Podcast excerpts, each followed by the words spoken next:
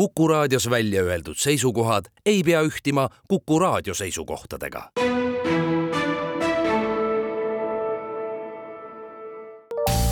terviseks. saade valmib koostöös Ida-Tallinna Keskhaiglaga.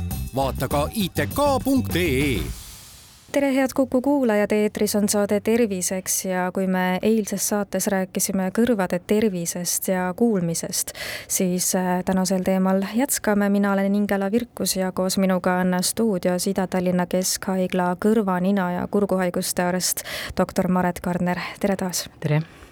millised on need kõige levinumad kõrvadega seotud terviseprobleemid või mured, millega siis eestlased praegusel hetkel või üldse viimasel ajal on teie juurde jõudnud? Kuna mina olen eelkõige lastekõrvaarst, et eh, siis minu juurde jõuavad erinevas vanuses eh, lapsed, kellel eh, võib olla kõne arengu vilistumine, kes ei ole näiteks läbinud esmased kuulmissõeluuringud sünnitusmajas, kelle lapsevanemad arvavad, et lapsel võib olla kuulmislangus. Ja mis on ka väga la sage laste puhul, mis on rohkem selline arenguline, ongi siis see ülitundlikkus helide suhtes, mis ei ole tingimata kuulmislangusest tingitud, vaid ongi selline kesknärvisüsteemi veel arenemine noh, kuigi seal on teised põhjused ka.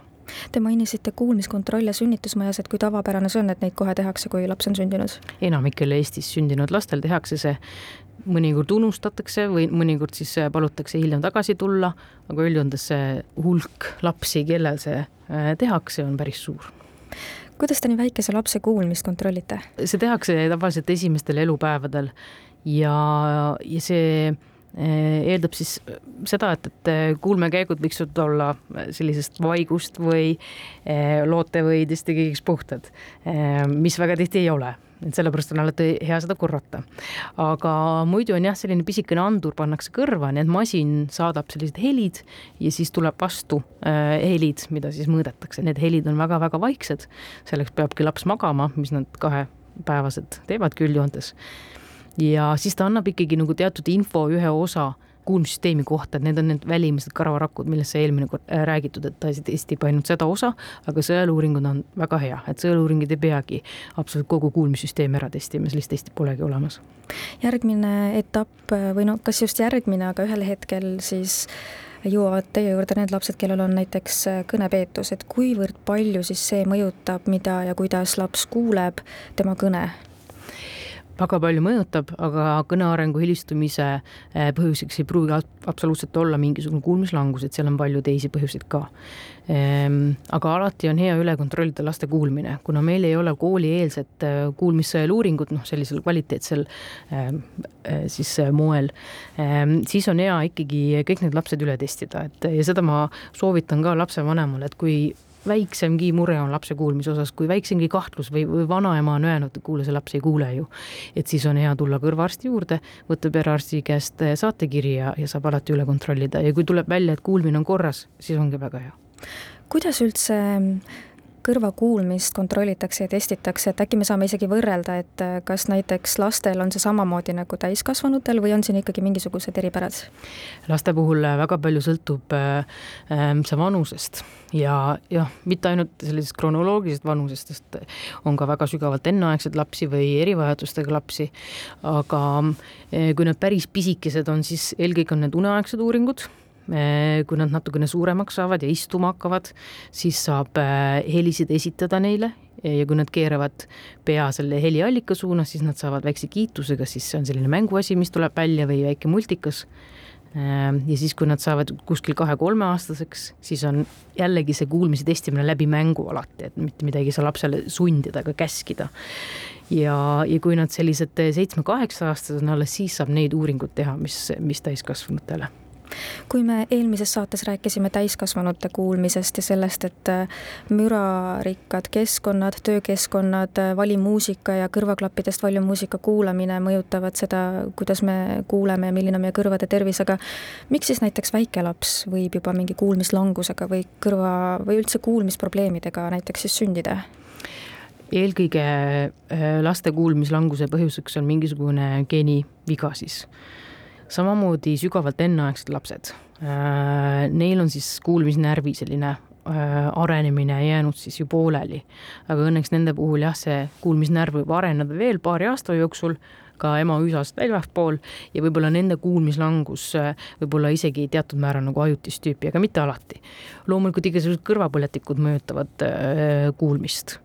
lapsed, kes on teinud läbi ajukelmepõletiku, eriti kui see on nagu bakteri infektsioonist tingitud, osad ravimid, keemiaravimid võivad seda kuulmislangust tekitada et väga palju erinevaid põhjuseid, aga kui laps juba sünnib ja ema oli raseduse ajal täiesti terve, et tal ei olnud mumpsi, leetrit, punetisi, ema oli vaktsineeritud, siis üldjoontes on mingisugune geneetiline probleem. ühelt poolt on siis, me oleme rääkinud kuulmislangusest, aga mis juhul saame rääkida siis täiesti sellest, et inimene ongi kurt vot see on selline keeruline küsimus, sellepärast et ühelt poolt on kultuurilised kurdid, kelle emakeel on eesti viipekeel siis eh, nendel võib olla ka suhteliselt eh, noh, küllaltki hea kuulmine, näiteks mõõdukas langus, aga nad ikkagi viiplevad.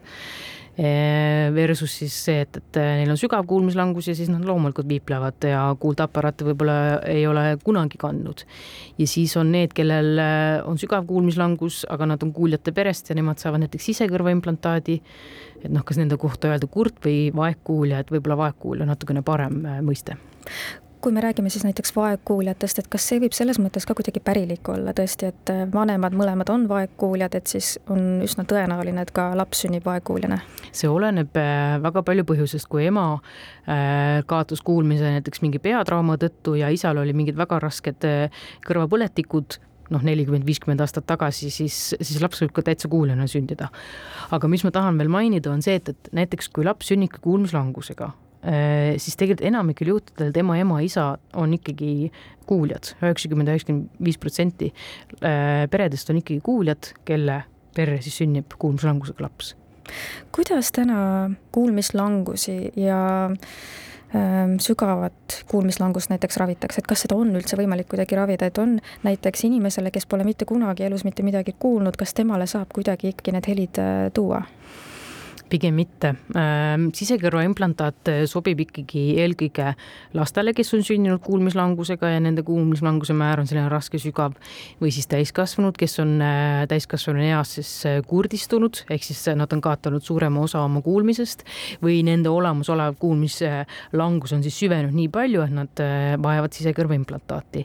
aga näiteks inimene, kahekümne aastane, näiteks kultuuriline kurt, kes räägib eesti viipekeeles, pole kuulnud kunagi kuuldeaparaati kandnud, et noh, siis tegelikult see kuuldeaparaat ei pruugi aidata, rääkimata sisekõrvaimplantaadist, sellepärast et loodus tühja kohta ei armasta, ehk siis kui see kuulmisnärv ei ole saanud mitte mingisugust stimulatsiooni, siis ega ta ei hoia seda närvi no kogu aeg need kakskümmend aastat aktiivsena, et, et lihtsalt see närv kärbub ja, ja nii on kuulmislanguse korral ma saan aru siis ka niimoodi, et rakud ju neid kuidagi ei taasta, et kui inimesel ongi olnud selline mürarikas töökoht terve elu, kuulab veel palju muusikat, sisekõrvarakud kärbuvad, et siis neid ju kuidagi enam ei taasta, et neid ravida ei ole võimalik. praeguse seisuga jah, neid ravida või taastada ei ole võimalik, loomulikult teadusuuringud väga tegelevad sellega, aga samal ajal mingi teatud lootus on, sellepärast et on teatud eh, loomaliigid, eh, kes seda suudavad teha, sealhulgas kana.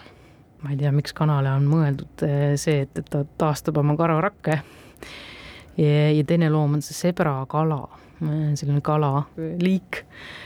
et meil on vähemalt kelleltki, kellelt õppida mm. -hmm. ja need on need, need üksikud näited siis, mingi potentsiaal on mm,. loodame, aga kuidas seda kõike siis ikkagi ennetada, et äh, kui näiteks inimene tunnebki, et äh, natukene mõnel hetkel ainult, mitte pidevalt, aga mõni hetk natuke kõrvus nagu kohiseb, kas see on juba see hetk, kus tulekski kindlasti kõrvaarstile minna või äh, võib korraks lihtsalt jälgida, mingisuguseid sümptome veel otsida ja siis esmalt näiteks hoopis perearsti poole pöörduda või kuidas see protsess käib?